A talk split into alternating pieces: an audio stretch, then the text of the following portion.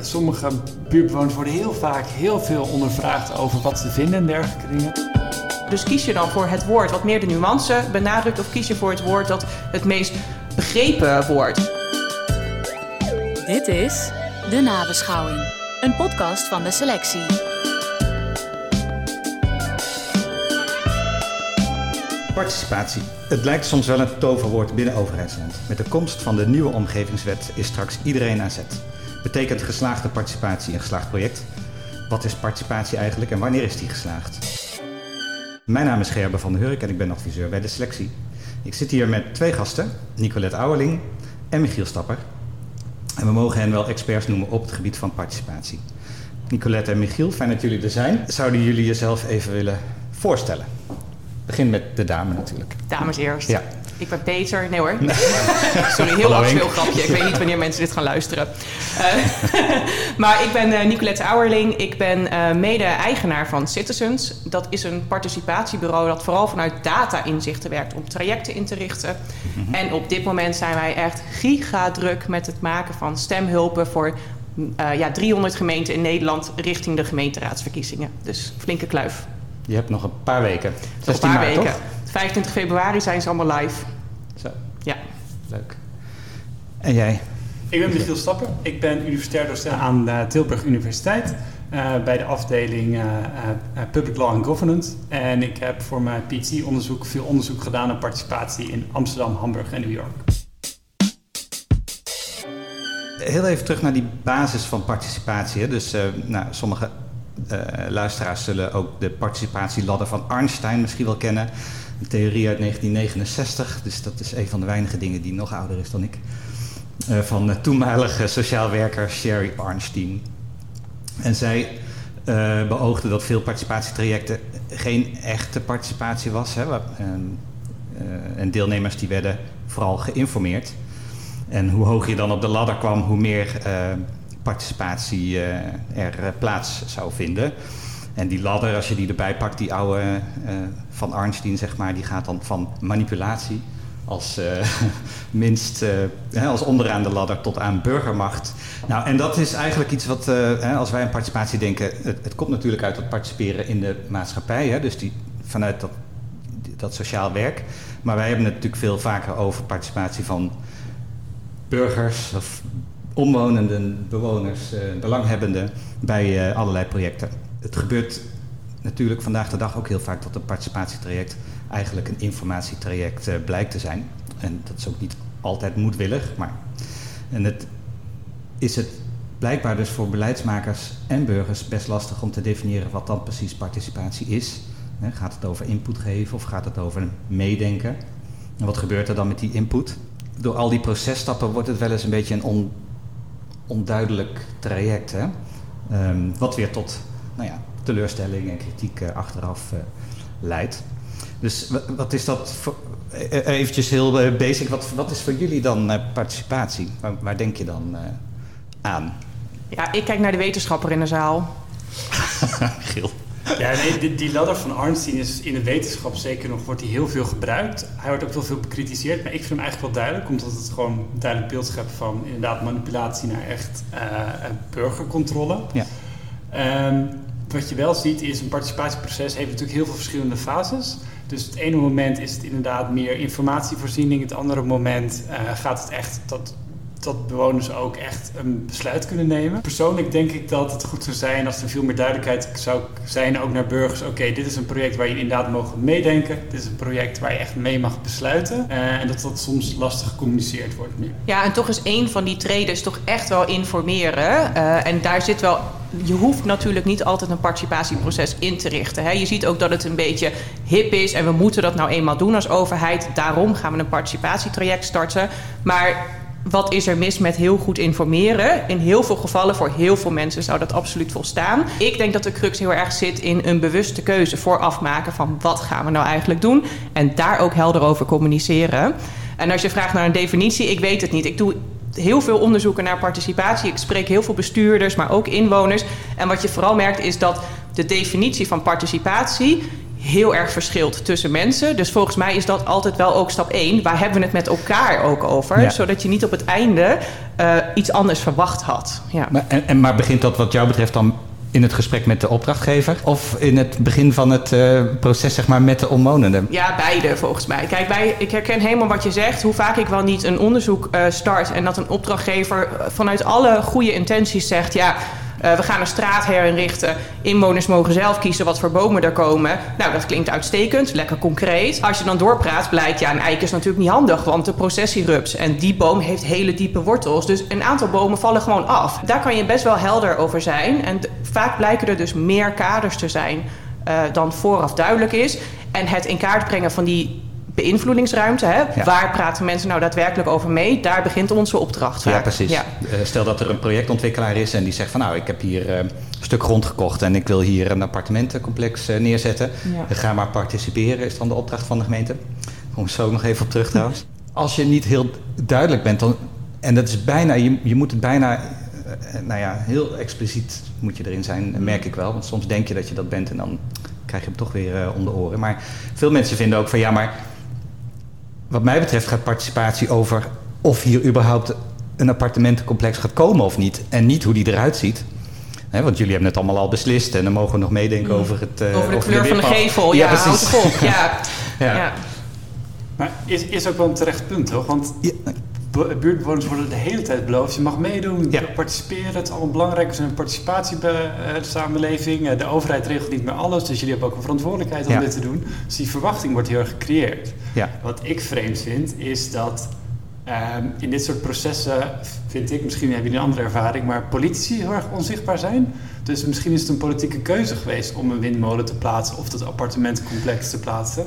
En dan is die politieke eh, keuze gemaakt en dan kun je over vier jaar de politici wegstemmen of Ja. niet. Ja. Maar dan heb je op dat moment over die beslissing niet meer te participeren. Maar dat zie je weinig. Ja, dat klopt. En, maar is dat misschien ook wel iets waar, eh, eh, nou ja, dat, wat jullie misschien, eh, Nicolette, dan tegenkomen ook wel, dat sinds de komst eigenlijk, hè, of bijna dan van de omgevingswet, verandert die rol van raadsleden ook wel wat.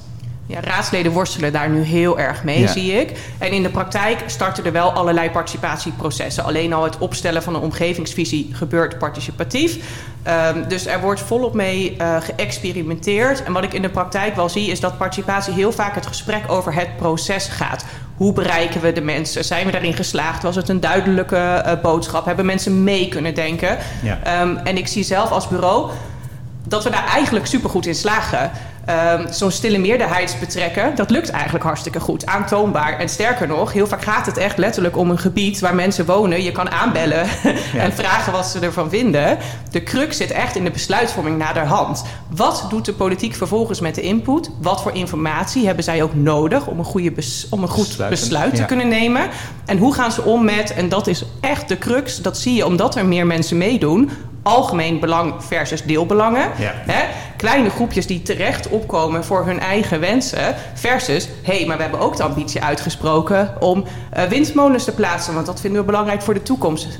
Dat is waar de poli- politiek over moet gaan. En wat je ziet, dat het vaak verzandt in gesprekken over het proces. Dat is misgegaan. Terwijl Ja. ik denk, moedige besluitvorming, moedige politici, dat is wat er nu nodig is. Ja. Ja. Her- Herken jij dit ook? Want jij hebt in andere landen ook eh, gekeken, zeg je, New York, Hamburg. Ehm, eh, daar, daar is het natuurlijk lokale politiek ongetwijfeld ook weer wat anders georganiseerd dan in Nederland. Maar, Maar ja, zeker in Hamburg, bij de meer controversiële projecten, was Mhm. er echt best wel een duidelijke scheiding tussen eh, wie het buurtbelang vertegenwoordigde, dus een aantal buurtleiders, ja? ehm, en wie het algemeen, algemeen belang vertegenwoordigde. Dat was vaak een politicus. En ik vond dat eigenlijk best wel hele, heel veel duidelijkheid ook creëren. Naar de mensen toe, zeg maar. Oké, de politici die gaat pleiten voor meer sociale huurwoningen, maar vindt het niet zo heel erg belangrijk dat er een eh, buurtcentrum komt of iets dergelijks. Maar de buurt vond dat dat wel heel erg belangrijk en dan gaan ze gewoon met elkaar Ja, en hoe kijk je aan tegen hoe dat ze dat in Nederland dan doen in de politiek? Want ik zie daar dus heel veel worstelingen in de praktijk.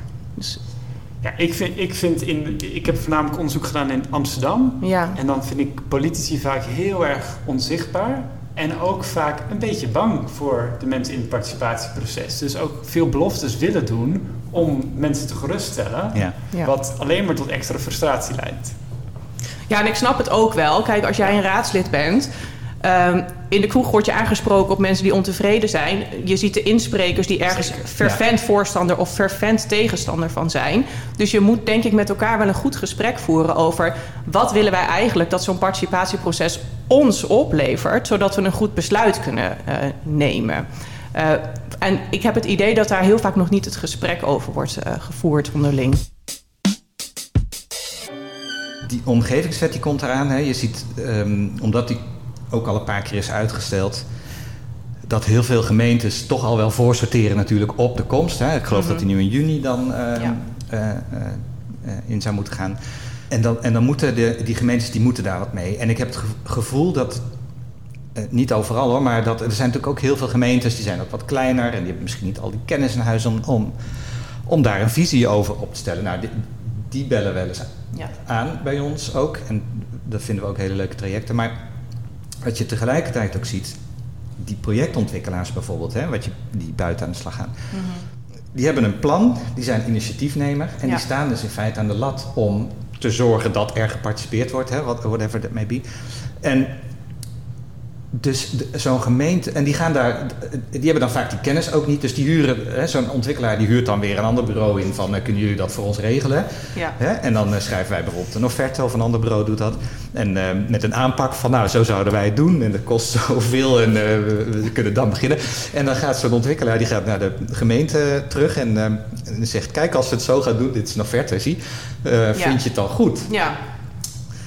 Met andere woorden, uh, de gemeente laat veel van die participatie over aan de markt. Ja, ik vind het wel een beetje erg en onhandig. Ik vind het heel goed om het over te laten aan de markt. Maar ik vind ook dat je dus um, eisen moet stellen aan wat je terug wil krijgen over het participatieproces van, ja. de, van de initiatiefnemer. Ja. En daar zie ik dat er weinig over is vastgelegd. Je kan prima als gemeenteraad zeggen als wij uiteindelijk een besluit moeten nemen over een initiatief, een vergunningverlening, wil ik een verslag krijgen van het participatietraject. En dan wil ik niet alleen maar de halleluja-verhalen horen. Nee. Ik wil alle opvattingen in beeld.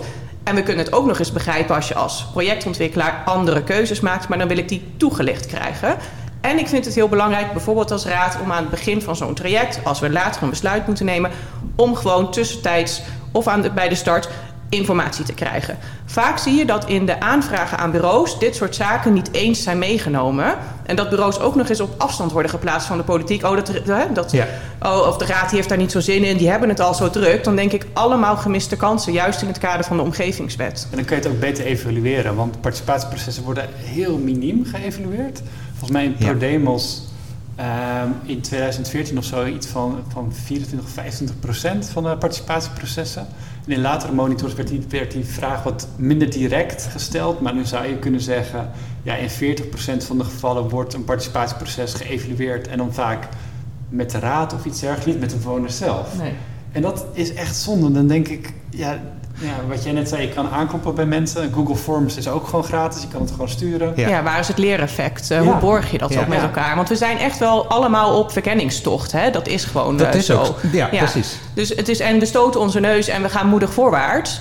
Uh, maar dus je moet wel inbouwen dat je kan reflecteren op trajecten. En ik, ik, kan me ook voorstellen dat je ook meer helderheid wil scheppen als gemeente richting initiatiefnemers. Van wat vinden we nou belangrijk? Bijvoorbeeld een representatieve steekproef. Of ja. wil ik juist kwalitatief alle opvattingen in beeld? Of een mix van die twee. Daar sturender in zijn en het traject wel. Hè, je moet ook mensen bereiken met de juiste boodschap. Dat kan je heel goed aan bureaus overlaten. Zeker ook natuurlijk omdat die kennis daar op een gegeven moment ook ja. wel gaat landen. Hè? Als je een aantal van die traject hebt gedaan en je hebt misschien zelfs geëvalueerd, dan. Uh, uh, Mensen leren toch, hè? Ja, het gaat gewoon per ja, ongeluk. Ja, ja maar je kunt tegelijkertijd, want het werkt twee kanten op, want je kunt ook die gemeente eigenlijk uh, beter aan de hand meenemen. Want wij merken echt ook wel regelmatig, hè, we worden ook wel eens gewoon op pad gestuurd van ja, als je voldoende draagvlak vindt dan vinden we het goed. Uh, Oké, okay, nou wat is dan draagvlak? ja, ja, precies. Ja, dat weet niemand. Dat, is het 50-50 of 51 procent? Of uh, ja. wanneer is er eigenlijk draagvlak? Ja, want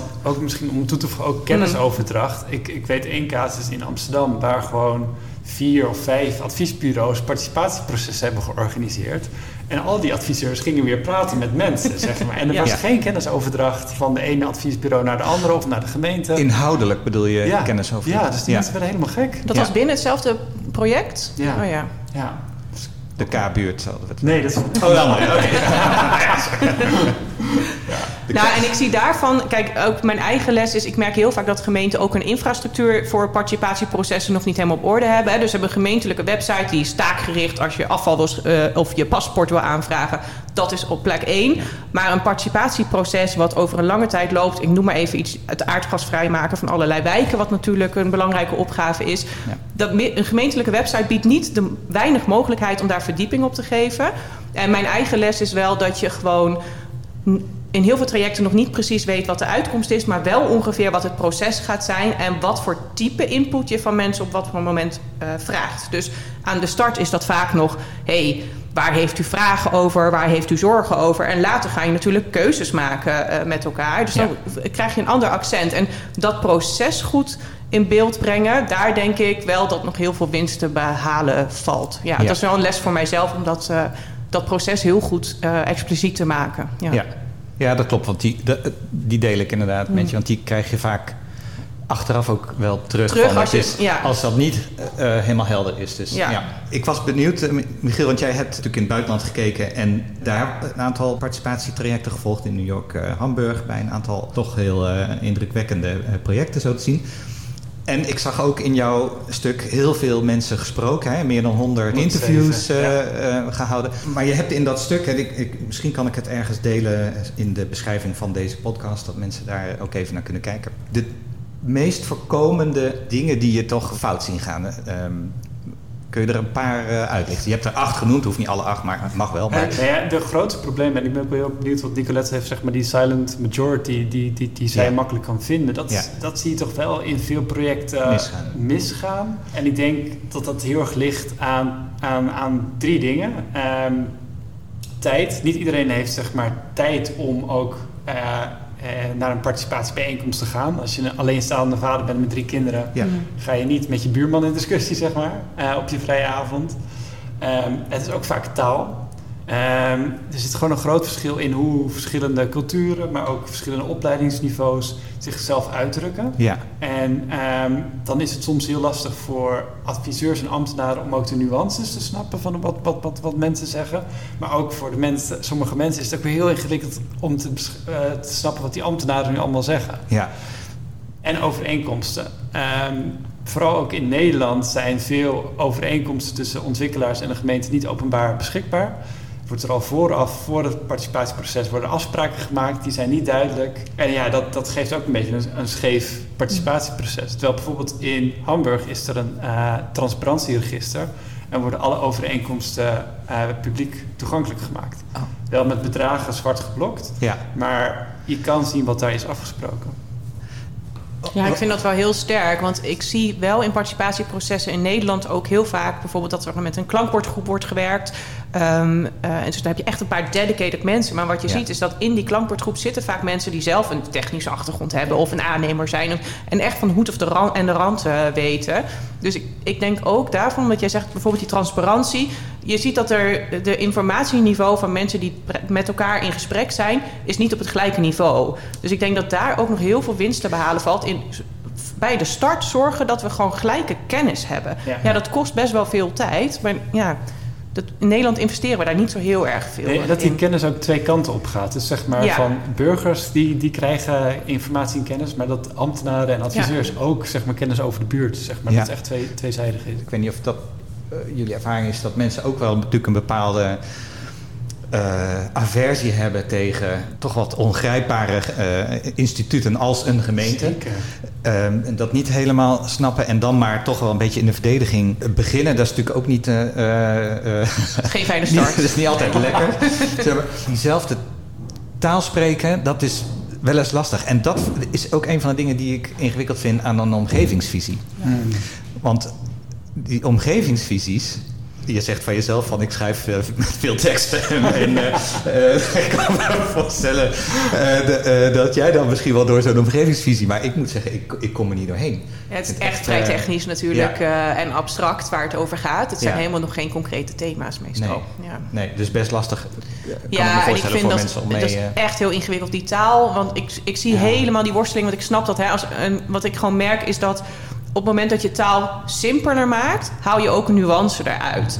Uh, en dat maakt het toegankelijker. Hè? Dus als wij enquêtes bijvoorbeeld opstellen, uh, nou, een heel concreet voorbeeld is dat wij bijvoorbeeld het woord windmolens gebruiken. Iedereen heeft daar een beeld bij. Er is veel, uh, komt vaak in de krant terecht. Ja. Terwijl ehm, ehm, soms uh, windturbine, dat, dat zegt iets over, laat maar zeggen, de maat van dat ding. Maar dat is een veel minder bekend woord. Dus kies je dan voor het woord wat meer de nuance benadrukt, of kies je voor het woord dat het meest begrepen wordt. En dat is een heel klein en concreet voorbeeld. Maar dit is natuurlijk de hele tijd aan de hand. Dat je, uh, je wil complexe dingen ook niet te nee, uh, plat slaan. Want ik vind dat je maakt jezelf ook heel kwetsbaar mee. Want het is niet zo eenvoudig. En juist mensen die ergens dan heel erg tegen zijn... kunnen dat ook aanpakken om te zeggen... hé, hey, ja, kijk, de gemeente laat informatie achterwege. En dat wil je natuurlijk ook niet hebben. Nee. Het is gewoon super lastig, dit uh, punt. Ja. ja. ja. En, want, want ergens, als je het hebt over taal, zeg maar... er zit ook uh, een soort van fine balance of een wankel evenwicht ja. van hoe ga je het uitleggen. Want je wil, het laatste wat je wil doen volgens mij is mensen beledigen ja. op hun intellect. Het feit dat zij uh, misschien niet weten wat een windturbine is en dat een windmolen makkelijker is, die vind ik evident, zeg maar. Ja. Nee, maar ja.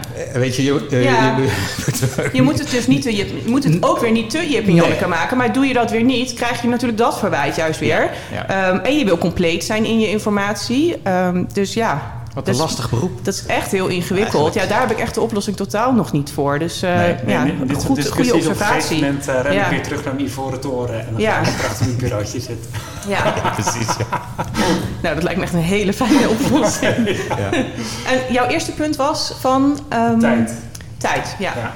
Ja, en daarvan, want je had het volgens mij ook over die avondjes en dat het veel tijd kost. En we hadden het ook een beetje over die stille meerderheid. Kijk, wij hebben ook een panel van 50.000 Nederlanders. Die bevragen we heel regelmatig op participatie en communicatievoorkeuren. Ook nog binnen specifieke contexten. Dus wat uh, rondom je woningaardgas vrijmaken. Maar ook de opvang van vluchtelingen, noem maar van alles. En wat we daarin dus zien is dat het heel erg uitmaakt. Um, als je ergens heel erg veel voorstander of tegenstander van bent, ja, dan ga je wel naar die avond. Dan, dan investeer je die tijd, dan regel je die oppas. Vind je er misschien niet zoveel van, of is het complex, ga je dat dus niet doen. Dus ik vind de crux heel erg zit in het aanbieden van een mix van middelen en ook hele laagdrempelige middelen. Ja. En dan een online enquête zie ik dus, dat, dat, dat weet ik van, dat panel, van die panelonderzoeken die we doen, dat een online enquête is ongeacht hoe oud iemand is, en welk, hoe, hoeveel welvaart iemand heeft op opleidingsniveau, is dat eigenlijk het fijnste middel, vinden mensen, om een participatieproces mee te starten. Ik wil toch heel even nog over die, uh, dat onderwerp, zeg maar, waar, waar toch veel, veel mensen mee uh, worstelen. Die wijken, zeg maar, hè, waar als je daar iets gaat organiseren, waar of maar een heel klein deel zich laat uh, horen, mm -hmm.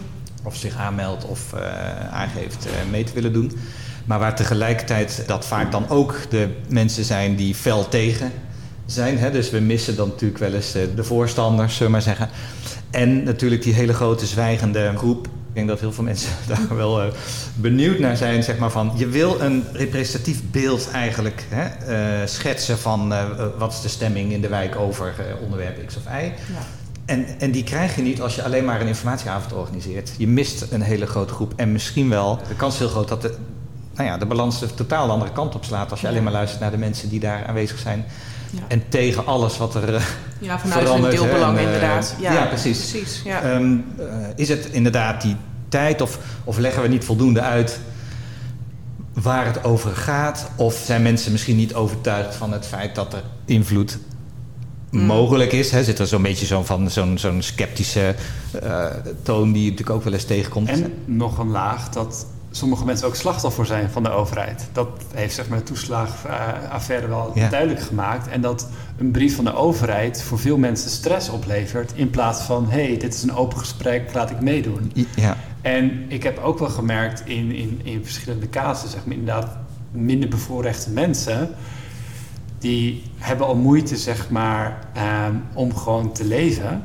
En dan ook nog te snappen hoe de gemeente werkt, is heel erg complex. En dan vraag je best wel veel. En ik heb ook meegemaakt dat als ik vraag van als er een issue is en je, je moet naar de gemeente, naar wie ga je dan? Dan wordt niet de gemeente benoemd, maar er worden vrijwilligers van buurtcentra of iets dergelijks.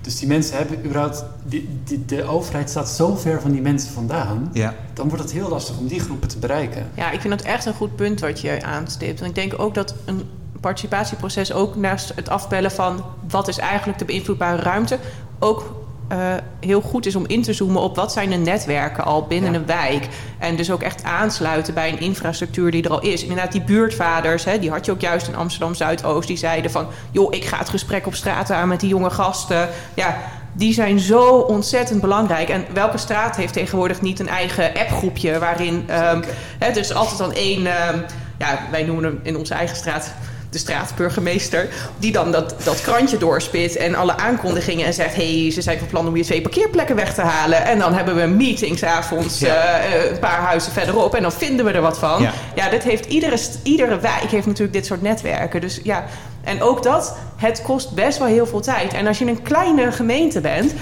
zie je het maar te regelen. Want je participatie-expert is ook of een technische projectleider of iemand van het communicatieteam. Die hebben Ja. hun handen vol aan eh coronacommunicatie. Ik noem maar even iets. Hoe moeten mensen dit voor elkaar krijgen? Het is zo lastig. Eh, tijd is ook, eh, kan ook wel een dingetje zijn, omdat je soms vanuit zeg maar, de organiserende kant, zeg maar, hè, dus de andere kant dan de, dan de bonus, heb je te maken met processen en weet je wat. Dus dat kost veel tijd. Een omgeving kan veel sneller zijn eigen belangen, zeg maar. ehm, nou ja, proberen veilig te stellen. In die zin van. Ja, ieder geval inventariseren, ja. Nou, eh, eh, wij, hebben het wel eens meegemaakt dat we. Nou ja, en, nog in de fase zaten van. eh, eh, eh, de opdrachtgever die wilde iets verhuizen dat, nou ja, naar een andere wijk. En, en nog voordat wij goed en wel eh, bij de gemeente hadden verteld eh, eh, wat het plan was en hoe we eh, eh, met de buurt aan de slag wilden gaan, was een van de politieke partijen al met een enquête de wijk rondgegaan en die had eh, Ja, op zeer suggestieve wijze. macht georganiseerd, eh, ja. ja, die had op zeer Ja. suggestieve wijze al eh, een enquête gehouden onder eh, 300 eh, mensen. Vindt, vindt u ook niet dat dit, gebeurt slecht echt plan is voor, weet je? En dan sta je al met 308. Dat is wat, wat mijn probleem vooral met, met tijd in die zin is. Dat ik wel eens sneller zou willen gaan. En ehm, Ja, en daar, daar kijk ik wel weer terug naar die politiek. Daar moet je dus met elkaar weerbaar in zijn. En weet je, er komen natuurlijk nieuwe gemeenteraden aan. Ga, ik zou echt zeggen, gebruik die omgevingswet ook om dat ges, ga dit gesprek aan met elkaar. Dit, eigenlijk wil je natuurlijk niet dat je politiek zo met elkaar bedrijft. zeker niet. Nee, Nee. want ik vind dat... Nou ja, eh, dat is mijn persoonlijke mening. Maar dat is wel En een van partijen die... zijn ook weer vrij om te doen en laten wat ze willen. Dus het is nogal wat. eh, ja. Dat, ja, zeker. Maar ik, je hoopt, hè, en dat, nou ja, goed, de, ehm, de ene raad is de andere niet natuurlijk ook. Ehm, je hoopt natuurlijk dat het zo is dat ook als een, part- een politieke partij in principe tegen ehm, een bepaald initiatief is. Dat je de ruimte geeft aan een goed democratisch proces. Precies. Ja, Ja, eens. Ja, Ja. Die, die is wel eens En eh, ik vind, daar moet je met elkaar, daar moet je elkaar kunnen aanspreken. Ja. Ja. en ik denk dus ook, we hebben het vaak die participatie, eh, beleidsstukken en zo. Ik kan me ook voorstellen dat een raad met elkaar ook een eigen visie op participatie neerlegt. Ja. Ehm, dus dat je dat al met elkaar dat gesprek aangaat en afspraken maakt, dan kan je daar ook elkaar op aanspreken. Ja. Op eh, zo'n zo'n onder, Zo'n ja, actie. Ja. zo'n actie. Dat is ja.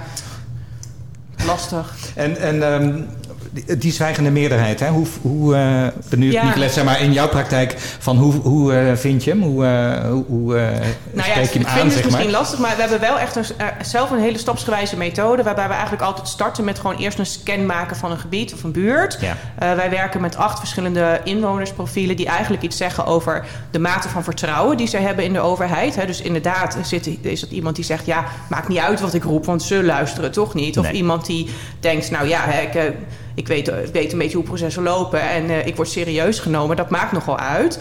En gekoppeld aan hun participatie- en communicatievoorkeuren. Nou, dan weten we hoe is de verdeling in een wijk binnen die acht groepen. En dat maakt ook dat als wij een enquête uitzetten, eigenlijk kunnen toetsen steeds van hebben we nou al die groepen die in deze wijk zitten ook voldoende in beeld. Ehm, en dat is allemaal op basis van big data. Dus het is een voorspellend model wat eh, houvast geeft aan het begin en een goede toets is gedurende een proces. Uiteindelijk moet je gewoon natuurlijk met mensen spreken. Ja. Maar dit is wel Ehm, eh, ik vind die benadering vanuit data geeft heel veel grip gedurende een participatieproces op. Hebben we een representatieve groep of Ja. moeten we nog meer acties doen? Hebben we alle opvattingen wel voldoende in beeld? Dus wij kunnen dat eigenlijk heel goed toetsen met deze aanpak. En we starten bijna altijd dus met die online enquête. En dan kijken we ook naar die wijk. Eh, moeten we misschien een briefje op de deurmat doen? Of moeten we inderdaad voor het winkelcentrum gaan staan en mensen gaan aanspreken? Precies, ook ja. die mensen met die grijze haren die het misschien moeilijk vinden om dat online te doen. Dus ik denk dat wij daarmee aan de start heel goed een grote eh, groep mensen kunnen bereiken. Nog steeds vallen daar mensen buiten hoor, dat is absoluut waar. Mensen die in de Nederlandse taal minder machtig zijn, zijn gewoon ontzettend lastig. Dus dat is wel zo. En wij vragen dan ook altijd van, goh, hoe willen jullie hierna participeren? Want vaak zijn die trajecten niet zomaar morgen klaar. En dan pas maken we eigenlijk een participatie-aanpak. In Amsterdam Zuidoost hebben ze toen wel op een gegeven moment een buurt-DNA opgesteld, zeg maar, ook om, Ja. om zo te werken. Eh, maar het klinkt heel goed. Ja, wat, wat ik ook een mooie manier vind om mensen te betrekken, en er wordt mee geëxperimenteerd, en ik heb het zelf niet onderzocht, dus ik weet er niet superveel van, maar is het, het loten van buurtbewoners. Dus eh, een representatieve steekproef nemen en dan mensen vragen in ruil voor een vergoeding om mee te denken over, over een onderwerp. En ik denk altijd, ja, veel eh, gebiedsontwikkelingsprocessen, dat gaat uiteindelijk ook ehm, langs een soort van jury van eh, architecten en dergelijke dingen, om dan te kijken welke tender het Ja. wint. Neem een aantal burgers erin op. Hartstikke leuk, Mm. toch? Loti, dat is ook, dan krijgen ze meteen, mogen ze echt meebeslissen, dus je geeft ze echt macht. Ehm, het is een representatieve steekpro- steekproef, dus het is zeg maar eh, ook niet alleen maar de usual suspects. Dus ja, ga lekker daarmee experimenteren. Ja, en je denkt jezelf denk ik daarmee ook om in je, in je communicatie... dus niet meer oh, de klankbordgroep van de mensen die, dit, die hier allemaal iets van afweten... maar Ja. je hebt gewoon met iedereen te maken. Dus het, ik denk dat het wel eh, heel veel goeds doet... voor gewoon ook eh, de, in- ja, het niveau van informatievoorziening. Ja. Moeten we mensen eh, vergoeden voor een tijd? Ja. Serieus? Ja, ja, ja, ja. Het ligt er heel erg aan, denk ik, in wel- welke mate ze betrokken zijn bij een, een participatieproces. Maar ze worden zeker, sommige buurtbewoners worden heel vaak heel veel ondervraagd over wat ze vinden en dergelijke dingen. Die buurt, die buurtburgemeesters eh, en, Ja. en eh, Ik zal En- hem zeggen dat hij via een, eh, een bonnetje kan indienen bij ons. Ja. Ja, en, en, en sommige mensen eh, doen dat natuurlijk eh, vrijwillig en hebben die tijd voor. Maar ik denk, ja, sommige mensen hebben die vergoeding echt wel nodig. En ik denk dat je dan ook eh, de drempel kleiner maakt voor sommige mensen om de rol van buurtvader in te nemen. En ja, ehm, ja jullie als adviseur krijgen ook een mooi eh, uurtarief. ja. Eh, zij geven ook advies. Ja. Jij, jij reageerde niet meteen heel enthousiast. eh. Eindelijk iets waar het niet over Nou, eens zijn. ja, precies. Ik weet niet. Kijk, ik, bij de loodging kan ik me goed voorstellen. Hè? Ja. Want dan, ja, eh, je krijgt een briefje op de mat en je wordt verondersteld om op te komen dragen. Ik weet niet hoe dat in Amerika zit. Bijvoorbeeld dat je in zo'n jury moet zitten of je daar Ja. ook ehm, eh, voor beloont. Jury duty. Ja, Ja. ik weet eigenlijk, ja, maar ik weet, krijg je daar geld voor? Ja, en, Ja? en hotelovernachting. Dat Oh. je zit in een hotel en dat soort Ja. dingen. Ja. Ja, maar ik wil ook voorkomen, laat maar zeggen, dat mensen, omdat ze nou eenmaal een boekenbon eh, cadeau krijgen, eh, even snel een enquête invullen, maar niet st- zelf stilstaan bij wat vind ik hier nou eigenlijk van. Dus ik vind dat je dan wel ook heel goed. Ja, dus ik vind een intrinsieke motivatie wel ook heel belangrijk. bij participatieprocessen. Dus ik weet niet zo goed ja, wat ik ervan vind. In sommige gevallen kan ik me voorstellen dat het heel eh, welkom geld is. Ja. En in andere gevallen misschien ja, mensen die hartstikke druk zijn. Eh, overal in allerlei commissies eh, zitten en weet ik het allemaal wat. eh, die ook denken van ja, mag er wel, tegen, mag er wel tegenover staan. Mijn kennis en, kende, kennis en kunde hier tentoonspreiden. Nou ja, misschien wel iets om, over, om nog eens over na te denken. Ik wil jullie in ieder geval alvast heel erg bedanken voor jullie aanwezigheid hier op deze druilerige donderdag in Utrecht. Ehm, en fijn dat jullie onze gast wilden zijn. En wij vragen eigenlijk ter afsluiting altijd even aan jullie van... eh, heb je een tip voor luisteraars?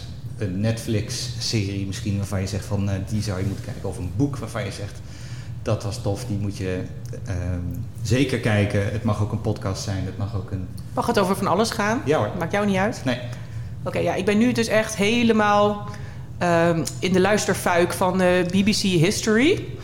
Dan kan je echt over ieder thema in de geschiedenis kan je een podcast luisteren. Dat gaat echt van wat aten mensen met kerst in uh, 1600, uh, maar ook wat aten ze met kerst in de Tweede Wereldoorlog, tot en met hoe zagen die Roaring Twenties eruit en hoe is het nou om als viking in een schip uh, te leven. Ja, je kan je echt helemaal onderdompelen in alle thema's van de geschiedenis. En dan komen er allemaal hoogleraren aan het, aan het woord die er dus echt wel verstand van hebben. Heerlijk. Leuk. Ja. En gewoon te vinden op de gebruikelijke platforms? Ja, de of gebruikelijke platforms. De en ik uh, toets dus iedere keer BBC History Extra in. En dan kom je er gewoon. En dan hebben ze allemaal helemaal medieval series en Viking series. En nou ja, het is echt fantastisch. Ja. Klinkt goed. Ja? En jij? Ja, ik ben de laatste tijd heel erg into science fiction. Dus ik, ik kijk op Guilty, Prime. ja. ik, kijk op, ik kijk op Amazon Prime uh, The Expanse, wat echt, echt een goede science fiction serie is. En uh, ik heb onlangs uh, The Tree Body Trilogy gelezen. Ja, die heb ik ook gelezen. Maar heb je deel 1 of ook nog de rest? Al, alles. Ja, ik, ben, ik heb net deel 1 uit. Maar nou, het ja, het is- het is dus een Chinese science fiction. Ja, Oh. dat is heel interessant omdat je gewoon een heel ander toekomstbeeld en het is, het is vreemd een beetje en ook de manier van Ja, schrijven. en het is ook gewoon, het is geplaatst in een setting natuurlijk in China die voor ons al heel erg niet, ja, Bekend. dat voelt al vreemd, laat Ja. maar zeggen. En daar nog een science fiction laag overheen. Het is, ja, bizar. De boeken daarna worden, ik, ik vond het eerste boek een beetje taai soms een beetje even Mhm. doorheen komen. Zeker. Deel 2 en 3 vond ik echt veel leuker. Gaat En lopen. Bizar. Hoe heet het? Eh, De Three Body Trilogy. Ja, Eh, Three Three- Body Three Bo- Problem. Ja. Problem. ja. Oké. nou, leuk. Ja, ik heb... eh, Ik, ik, Nou, voor op je leeslijst voor hebben. mijn leeslijst. Ja. Ehm, nou, dankjewel Nicolette Ouweling en Michiel Stapper. Dit was de nabeschouwing, de derde aflevering van seizoen 3. Dank voor het luisteren. Heb je tips? Laat het ons vooral weten. En laat een fijne review achter. Of deel deze podcast met anderen, zodat meer luisteraars ons weten te vinden. Mijn naam is Gerben en ik speel met nummer 7 bij de selectie.